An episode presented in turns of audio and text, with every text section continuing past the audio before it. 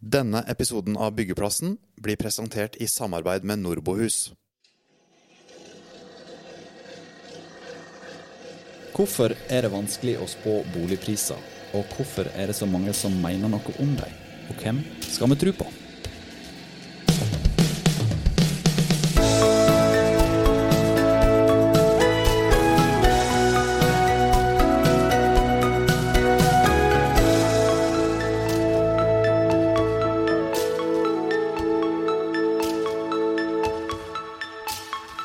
Nå faller boligprisene, nå går boligprisene rett til værs. Sitter vi i en boligboble?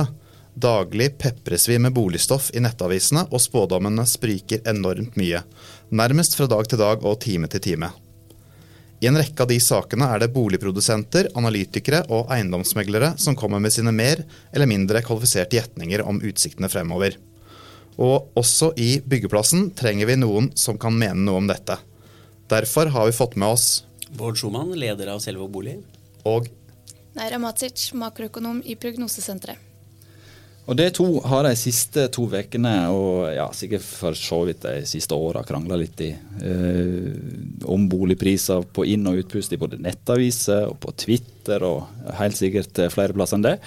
Og Nå sist så ble det varsla en høstflom av leiligheter. Eh, det er du, Neira, som mener at rekordmange igangsettelser i 2016 vil føre til at det kommer et skred av boliger på markedet eh, høsten 2018. Og slikt kan det jo bli et prisfall i markedet av, eller er det det du mener? Ja, eh, nå var vel kanskje ikke ordene flom og skred eh, mine egne. Jeg snakket om en tilbudsøkning som jeg tror vil komme, og som eh, ikke bare jeg, men resten av Prognosesenteret og ganske mange av våre kunder eh, som er boligprodusenter, er eh, enig eh, i at en tilbudsøkning vil komme. Men eh, skred og flom kan jo fort høres veldig ekstremt ut. Eh, Det var vel ikke akkurat det jeg sa, men jeg tror den eh, økningen vi så i både igangsettingstillatelser og i faktisk igangsetting, som vi får innrapportert fra boligprosentene hver måned, vil måtte resultere i en tilbudsøkning etter hvert. For jeg tror ikke disse boligene våre forsvinner. Og når vi får en sånn tilbudsøkning, hva skjer da? Hvis vi hadde fått en tilbudsøkning alene, og alt annet eh, holdt seg uendret, så tror jeg ikke det ville skjedd så mye. Det ville kanskje ført til litt svakere, eh, eller en svakere prisutvikling enn ellers. Men når den tilbudsøkningen kommer samtidig som en renteøkning, eh, og den kommer samtidig i tillegg med avtagende befolkningsvekst, så blir det tre ganske sterke drivere som sammenfaller, og som totalt sett tror vi vil føre til svakere boligpriser. Så ikke bare én driver, men totalen av disse tre. Men eh, du, Bård, er ikke helt enig i det, og var kanskje litt flåsete i en kommentar om at Meira hadde gått, eh, gått seg bort i regnearkene sine. Eh, Hvor, Nei, hvorfor er du så enig? Flåsete og flåsete, fru Blom. Eh, det går nok mer på det at baserer seg på det som er innrapportert. Jeg baserer meg på det jeg har gått rundt og telt. Og det er forskjellen. er at Man baserer seg på det som er rapportert, og det som er rapportert, og det er jo litt fælt å si det her som leder av boligprodusentene, men de tallene stemmer ikke. De er for høye. Eh, og det er, ikke det, det er ikke de kjempestore tallene vi egentlig er uenige om. så vi kommer tilbake til det etterpå, Men, men, men vi snakker jo om at eh, det er vel egentlig for 2019 som vi kanskje er størst langt fra hverandre, hvor jeg mener at Neira har snakket om rundt 5000 boliger i Oslo. Eh, for det er også en stor forskjell her. Snakker vi Oslo-markedet, eller snakker vi Norge? I Norge så tror jeg tallene stemmer mye mer korrekt, det prognosesenteret har. Men jeg tror Oslo-tallene ikke stemmer. Eh, mens jeg ligger nok en 20% lavere eh, når det gjelder 2019, dvs. Si jeg er på rundt 4000 boliger. Og Det er en forskjell eh, i et marked hvor det normalt sett har blitt levert 2800 boliger i året, og det har vært de siste 15 årene. Det vi skal huske på er at hvorfor jeg ikke blir så veldig skremt av det. Vi leverte like mange boliger på midten av 2000-tallet, vi leverte like mange boliger i 2013. Så det er liksom ikke, det er ikke de store volene. Det virker som at wow, nå kommer det mye nå. Så mye har det aldri vært før. Dette har vi opplevd så mange ganger. Og det er liksom jeg sier, Når vi investerer i, i, i nye tomter, så gidder ikke vi å se på boligprisene fra en måned til neste. Eh, og heller ikke eh, holdt jeg på å si befolkningstallene, fordi spørsmålene blir de store.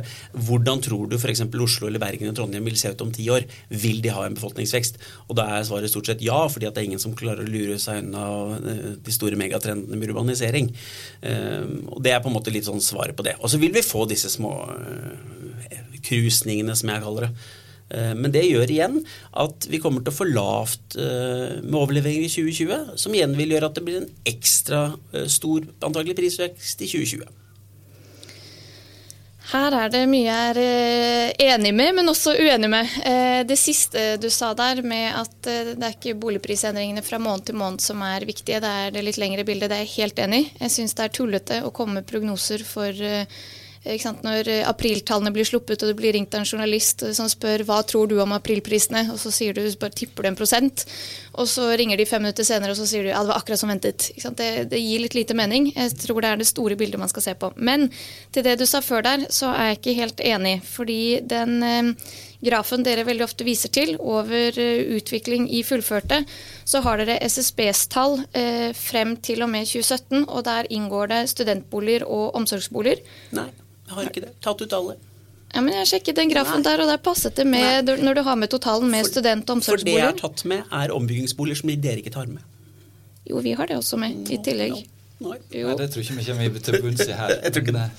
Men, Nei, men ja. det, det, andre var at um, man kan ikke sammenligne en fullføring eh, nå og si at vi har hatt den samme fullføringen tidligere, i 2012 og et eller annet annet år der befolkningsveksten i Oslo var det dobbelte av det den er nå. Eh, så kan ikke den tilbudsøkningen ha samme effekt nå som det den hadde da vi hadde en befolkningsvekst som var dobbelt så stor. Men det er jo enorm interesse for dette her blant journalister. Eh, mediene skriver opp og ned om det. Det er jo åpenbart godt lesestoff. Eh, og så blir jo det presentert, som du var inne på, tall hver eneste måned fra boligprodusentene. blir det for ofte? blir trøkket rundt dette her for stort i spaltene, sånn at det blir en sånn psykologisk greie ut av det? Jeg tror folk flest blir mer forvirret enn de blir opplyst.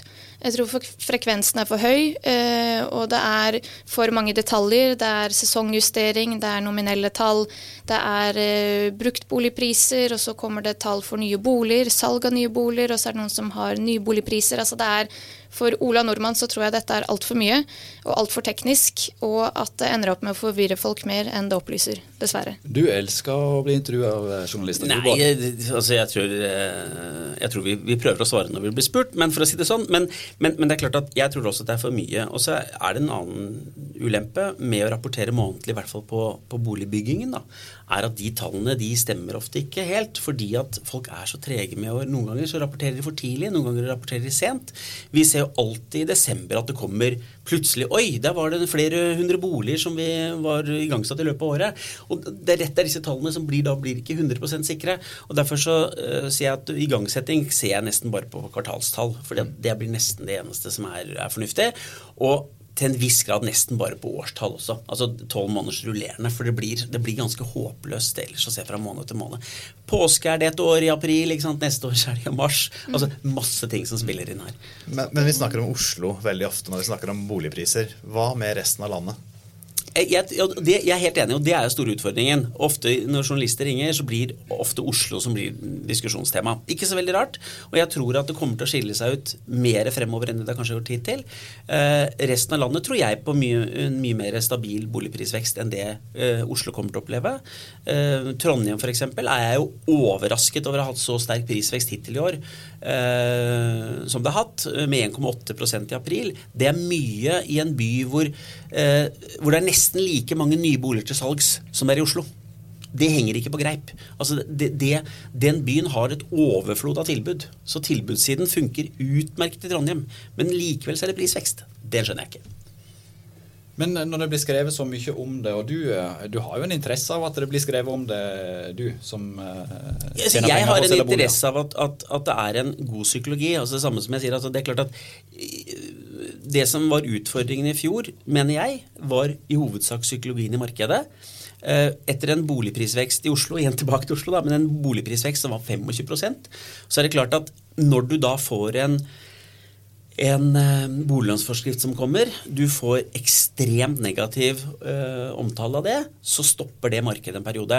Jeg har sagt hele veien at jeg tror at det var mer psykologi enn boliglånsforskriften som slo inn i fjor. Eh, jeg mener jo at det eh, på en måte tok tid å, å få kjørt seg gjennom. På samme måte som det var i 2013 en kapitalinnstramming fra bankenes side som, som, medførte at vi ikke solgte noe særlig bolig på ni måneder da. Så det er sånne, sånne ting. Og det får vi hvert tredje, fjerde hvert år, og sånn er det. Du, eh, Nå nevner du boliglånsforskriften. For de som ikke er så bevandra, vi har jo eh, folk som hører på som, eh, som, kjenner den veldig godt. Og så er det helt sikkert noen som ikke kjenner den godt. Kan ikke du Neira, bare kort fortelle hva var det som skjedde, og hva, hva er den? Jo, Kort fortalt så ble det innført en forskrift som eh, kom da med et lånetak. Eh, du kan ikke låne mer enn fem ganger inntekt. Og det andre som var liksom det viktigste nye kravet, var dette spesifikke Oslo-kravet. Der du måtte stille 40% egenkapital dersom du skulle kjøpe sekundærbolig i Oslo. Så det gjaldt bare her, mens det fortsatt var 15% egenkapital i alle de andre fylkene i landet. Eh, I tillegg så kom det noen regler på noe avdragsnedbetaling og sånn, men det var liksom disse to eh, kravene her som det var mest fokus på. Og når forskriften ble innført, så ble den innført som en midlertidig forskrift til 1.7.2018. Eh, og nå vet vi da ikke om den utgår helt, det gjør den sannsynligvis ikke. Eh, om den blir erstattet av noe, eller om den bare blir gjort permanent sånn som den er i dag. Men, men i hvilken grad har den fungert? Altså spekulanter 40% Virker det? Tilbakemeldingene vi har fått, uh, ser ut til å være at det er maks fem ganger inntekt som har hatt sterkest effekt. Uh, at uh, de pengesterke investorene de har 40% egenkapital, mm. og de klarer fint å fortsette å kjøpe sekundærboliger. Det er de småinvestorene eller hobbyinvestorene som kanskje har blitt vippet av pinnen av, av det kravet. Og det ser ut til at det er det Oslo-spesifikke kravet som forsvinner. Eh, det som har hatt minst effekt. Så enn så lenge så ser det ut som boliglånsforskriften ikke vil stimulere boligprisene noe særlig fremover. Vi tar en liten pause for å få et par ord fra våre samarbeidspartnere. Visste du at Nordbohus bygger både leiligheter, rekkehus og eneboliger? Visste jeg vel. Kan du slagordet deres? Ja, Nordbohus er bygd for å vare. Hva mener de med det? Kundetilfredshet, byggfaglig kvalitet og tømrere som bygger hver eneste bolig med omtanke og kjærlighet, er viktige elementer i Nordbohus filosofi. Kan man ha kjærlighet i arbeidet med å bygge en bolig? Ja, det kan man visst. Og nå ønsker de flere bedrifter inn i kjeden. Sjekk ut nordbohus.no. Og da er vi tilbake på byggeplassen. Boligprodusentene har tidligere sagt at den bør vekk. Eh, men før sending her nå så sa du at eh, nei, kanskje du er ikke så interessert i det likevel? Eh, jo, for å si det sånn, jeg må huske på at jeg har to hatter. det er meg selv, og så er det boligprodusentene. Rent prinsipielt så er boligprodusentene motstandere av det. Og det går på at vi syns at markedet bør klare å regulere seg selv. Det er sånn rent sånn prinsipielt. Men hvis man først skal regulere markedet, så tror vi at det er en fornuftig måte å gjøre det på. Vi tror at en, et, et tak på om det er fem eller seks ganger inntekt, det er fornuftig. Eh, vi har bl.a. også spilt inn at man kanskje bør på nybolig få låne seks ganger inntekt og ikke fem ganger inntekt. Og Bakgrunnen på det er jo rett og slett at i en ny bolig kan du bo i hvert fall i 20 år uten at du gjør noen store rehabiliteringssaker. Eh, og da burde du kunne låne noe mer. Så får vi se om det blir tatt hensyn til. Ellers er jeg helt enig med det Neira sier. altså Det som har slått inn, er jo fem ganger inntekt. Det er den som slår, og den slår kraftig på Eh, og unge, spesielt de som bor alene, de har det tøft å komme inn i Oslo-markedet. Og senest i dag leste vi jo eh, i avisene at det gikk en 14 kvadratmeter til 122 000 kroner i Oslo. Det, ikke, det, kommer til å fortsette. fordi at Så lenge du ikke får lov å bygge små leiligheter som folk har råd til å kjøpe, ja, da kommer de små leilighetene som allerede er bygget for mange år siden, til å fortsette å stige i pris. Det er ikke så veldig rart. Og, og, det også, nei, det slo ikke inn på investorsiden. Helt riktig. Selve bolig i Oslo har aldri solgt så mange investorleiligheter som vi gjorde i 2017. Dvs. Si etter at kravet kom. Og det er at de rike blir rikere, for de har pengene til egenkapital. Og det man skal huske, investorene hadde krav stort sett fra bankene før eh, boliglånsforskriften kom, på 30% egenkapital. Så fordi de bare strakk på skuldrene og skjønte at dette skjer jo ikke noe. Men som sier, hobbyinvestoren, altså normale mann i gata som kanskje hadde lyst til å spare eh, i en leilighet, da, en utleieleilighet, fikk ikke muligheten til det lenger. Og de ble ikke stoppet pga. 40% egenkapital, de ble stoppet pga. fem ganger inntekt. Men er det ikke alle de hobbyspekulantene som er med på å blåse opp såkalte boligbobler? Jo, det, det, kan jeg være enig i. I det øyeblikket, og det hadde vi på midten av 2000-tallet, hvor alle taxisjåførene i Oslo eide ti leiligheter hver. Mm. Det som er forskjellen fra det tidspunktet til nå, er at jeg tror at de store utbyggerne i hvert fall eh, og, og, Nei, jeg kan si det sånn Jo, utbyggere og bankene er veldig tydelig på at du skal ha finansiering til den leiligheten du kjøper. Dermed så Når vi skal åpne byggelånet vårt, så må vi vise at dette her, de kjøperne øh, som har kjøpt hos oss, de har finansiering sånn og sånn. Og Dermed så er det ikke den muligheten til at du kan løpe rundt i markedet lenger som du gjorde i 2002, kanskje, med et finansieringsbevis. Kjøpte deg ti leiligheter. For det var faktisk muligheten da. Bare en kommentar til om boliglånsforskriften og effekten på boligprisene. Så er jeg også enig i at psykologien eh, kanskje tok litt overhånd i fjor. Eh, og vi mener egentlig at det er flere grunner til en eh, korreksjon i boligprisene nå enn det det var i fjor. Altså Nå har vi denne tilbudsøkningen vi mener kommer, og befolkningsveksten i år er lavere enn det den var i fjor. Og vi får en renteøkning. Vi hadde ingen av disse tre faktorene i fjor. I fjor var det bare innføringen av boliglånsforskriften som tydeligvis en, hadde en negativ effekt, men hadde nok også en psykologisk effekt utover det. Så vi sa gjennom hele fjoråret at vi mente det ikke var noen særlige grunner til, eh, til prisnedgangen vi så utenom boliglånsforskriften, og at vi tror det nå fremover faktisk er mer valide grunner eh, til en svakere boligprisutvikling enn det det var i fjor. Og så spiller jo befolkningsutvikling eh, en sentral rolle i dette her. Og der er jo framskrivinga noe som er veldig, veldig usikkert. Og, og de har vel vært skyhøye for Oslo spesielt en periode, og andre storbyer. Eh, og så viser da de reelle tallene nå i det siste at det kanskje ikke de eh, slår helt til. da. Eh, og Utflyttingen er større etter det jeg har lest nå de siste, de siste månedene enn det, det innflyttingen er. Hvordan spiller det inn for måten det jobber på og planlegger på? Kan du stole på de framskrivingene som kommer? Altså igjen, som jeg sa i sted, jeg har et tiårsperspektiv når jeg kjøper store tomter. Egentlig 20-årsperspektiv òg. Og da er spørsmålet tror du at Oslo by kommer til å vokse de neste årene, tror du ikke det? igjen å se på hvordan befolkningsveksten har vært et år eller to i forhold til det, det tror jeg svært lite på. Så tror jeg det går litt på politikken. I 2016, og til delvis også inn i 2017, så ble det snakk om at oi, det er så vanskelig å få seg bolig i Oslo. Ergo, vi ser på nabokommunene. Og det betydde jo at veldig mange For det går litt sånn, hva kommer først? Eh, høna eller egget? Altså tilbudssiden var svak. Og da dro jo andre til, til nabokommunene. Og det har vært en god vekst i Akershus-området. Så jeg er mye mer opptatt av å se på Stor-Oslo. Men igjen, jeg håper jo at konkurrentene uh, blir litt redde da, og ikke tenker at det er skummelt å kjøpe i Oslo. Da blir tomtene billigere, og det er hyggeligere for oss andre som har troa på fremtiden. Men du har jo satsa ganske mye i Follo i det siste. Mm. Så Ski og Oppegård og Ja, og det er jo Stor-Oslo for meg. Altså Stor-Oslo for meg er til, ned til Vestby og til Drammen og opp til Gardermoen. Mm. I det området der så er det på en måte ett bolig- og, og arbeidsmarked boligmarked. Og, det, og akkurat hvor bygrensene går, er ganske uinteressant. Har den boliglånsforskriften gjort at eh, det der markedet har endra seg kraftig? Når det blir så låst på Oslo?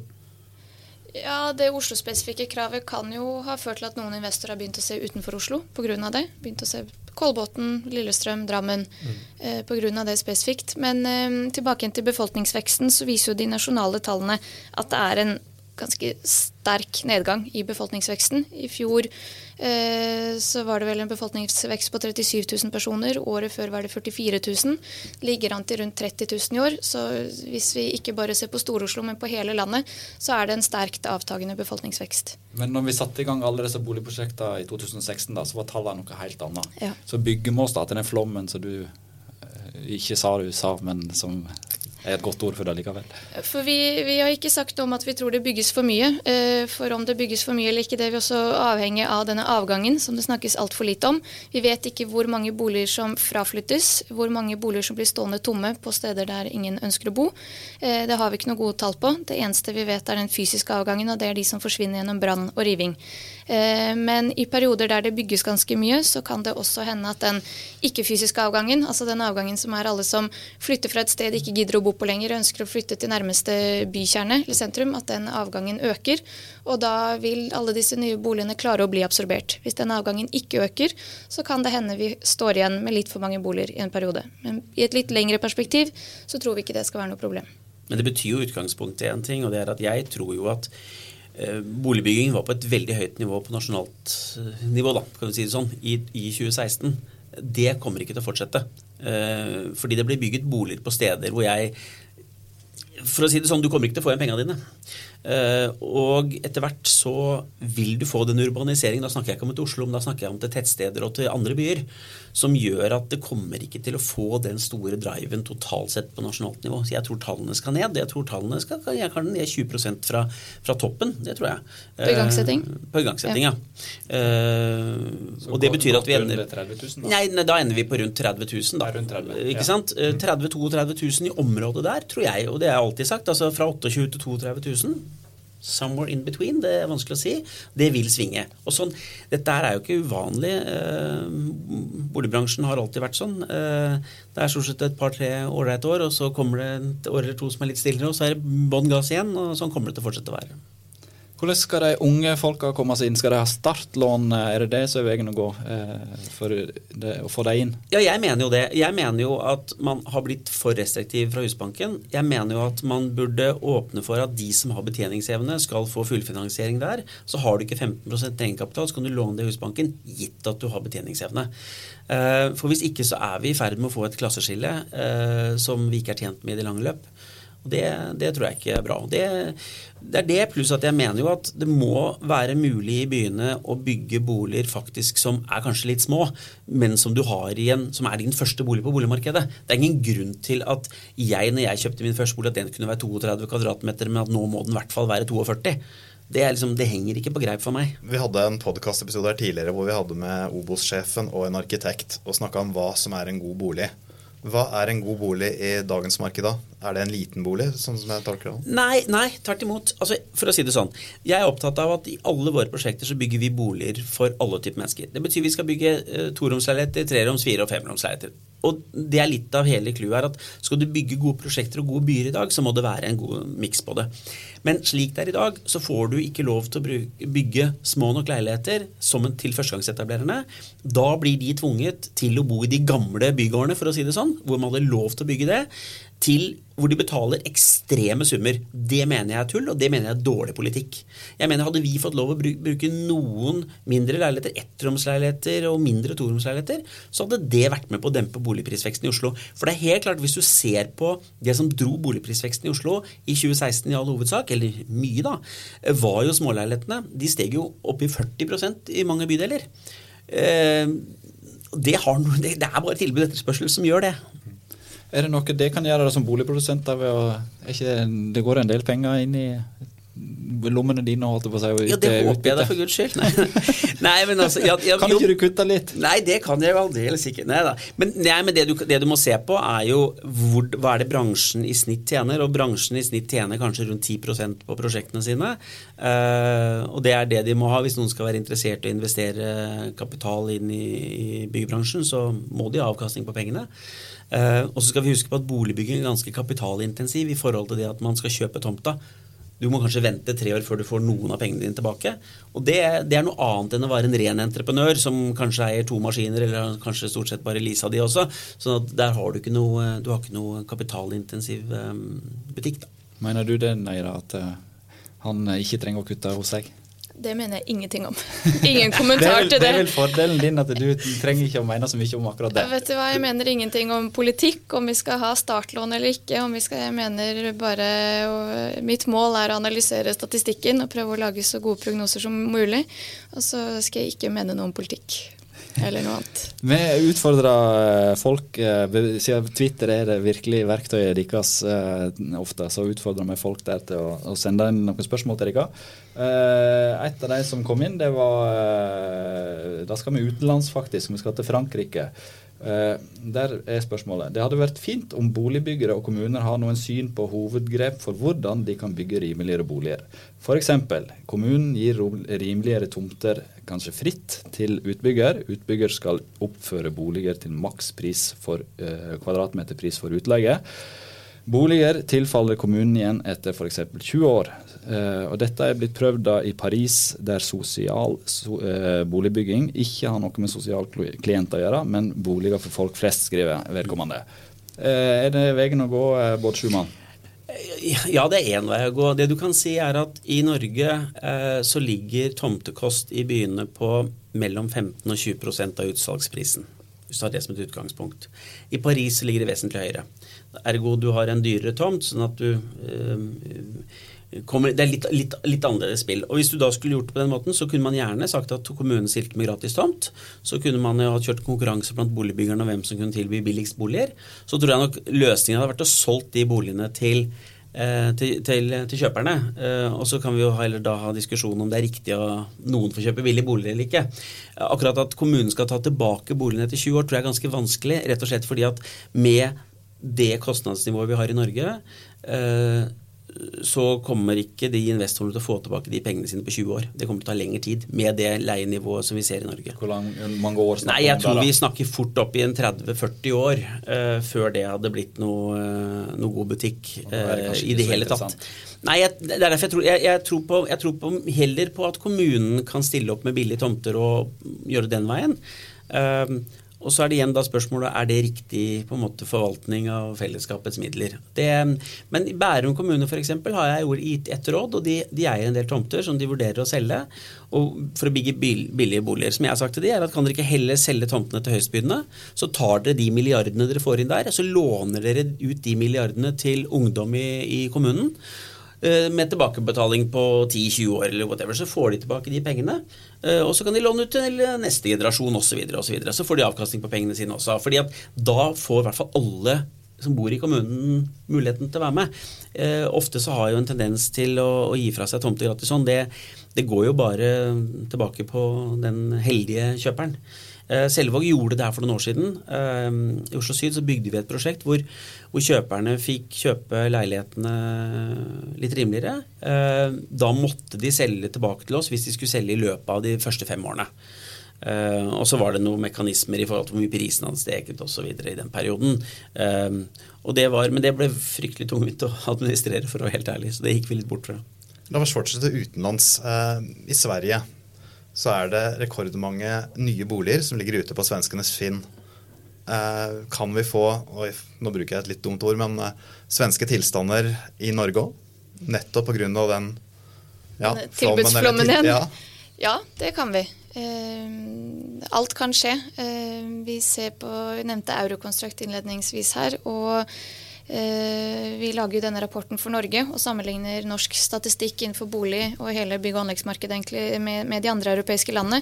Og vi ser nå at vi i Norge har den høyeste boligbyggingen per innbygger og høyeste per nye innbygger i hele Europa. Eh, Det kommer jo etter flere år med relativt lav eh, nybygging, men nå de siste to årene så har vi vært helt på topp. Jeg tror vi har Sveits på andreplass, og så kommer svenskene på tredje- eller fjerdeplass. Så det er eh, også i europeisk sammenheng nå så er det ganske høy boligbygging vi har. Eh, Men om den om vi i alle disse årene der vi ikke bygget nok, har fått husholdninger som er større enn det de egentlig ønsker å være, om det ligger et latent, en måte, eh, en latent etterspørsel der som kan utløses nå når denne tilbudsøkningen kommer, eh, det vet vi ikke noe om. Det vil jo avhenge av prisene. Hvis prisene nedjusterer seg tilstrekkelig, så tror jeg det er eh, mange nok unge som bor hjemme med foreldre eller i, kollektiv, og som kunne tenke seg å flytte ut for seg selv. Til den riktige prisen, ikke til en hvilken som helst pris. Men da må prisene ned. Eh, Men sammenlignet med, med resten av Europa så har vi nå en ganske høy nybygging. En ting som vi ikke har snakka om når det gjelder boligpriser, og det er jo for så vidt en sentral ting. Boligrenta. Ja, Ja, og den skal jo antageligvis opp. det kommer vi ikke unna. Nei. Eh, Det vi ikke vet er når første renteøkning kommer, og hvor mange som kommer fremover. Men eh, vi holder en knapp på en eller annen gang etter sommeren. Eh, sannsynligvis i september så tror vi første renteøkning kommer. Hva slags utslag gir det da på boligprisene?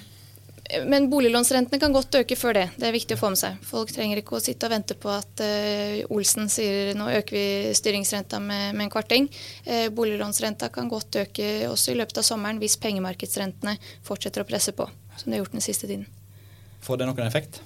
Det kommer det til å gjøre. og Vi ser jo det allerede. Bankene har begynt å klage allerede nå. For det er klart at de har jo tjent veldig gode penger de siste to årene, bankene. Fordi at vi de, altså Bankene kunne jo egentlig ha senket rentene til deg og meg med en 30-40 eh, prosentpoeng. Altså, da har du vært nede i hva er det vi låner til nå, litt i overkant av eh, 2 uh, Da kunne det vært på 1,6-1,7 i hvert fall, med, med den inntjeningen de har hatt. Eh, det er klart at det kommer til å ha en, ha en påvirkning. eh, og det er den jeg, som jeg sa i sted også, vanskelig å si, fordi at den er også psykologisk. Hver nye million eh, tror jeg kommer til å koste deg i måneden netto etter skattefordel osv. rundt 150 kroner per måned. Og det er kanskje ikke så mye, men det er mer psykologien i det som er utfordringen. Så kan du si det sånn, vi hadde, Nå hadde vi jo lave inflasjonstall også for april. Eh, og som overrasket vel egentlig alle. Det lå jo under konsensus også. Og det mm, tyder på at det ikke blir noe særlig eh, mange renteøkninger til høsten.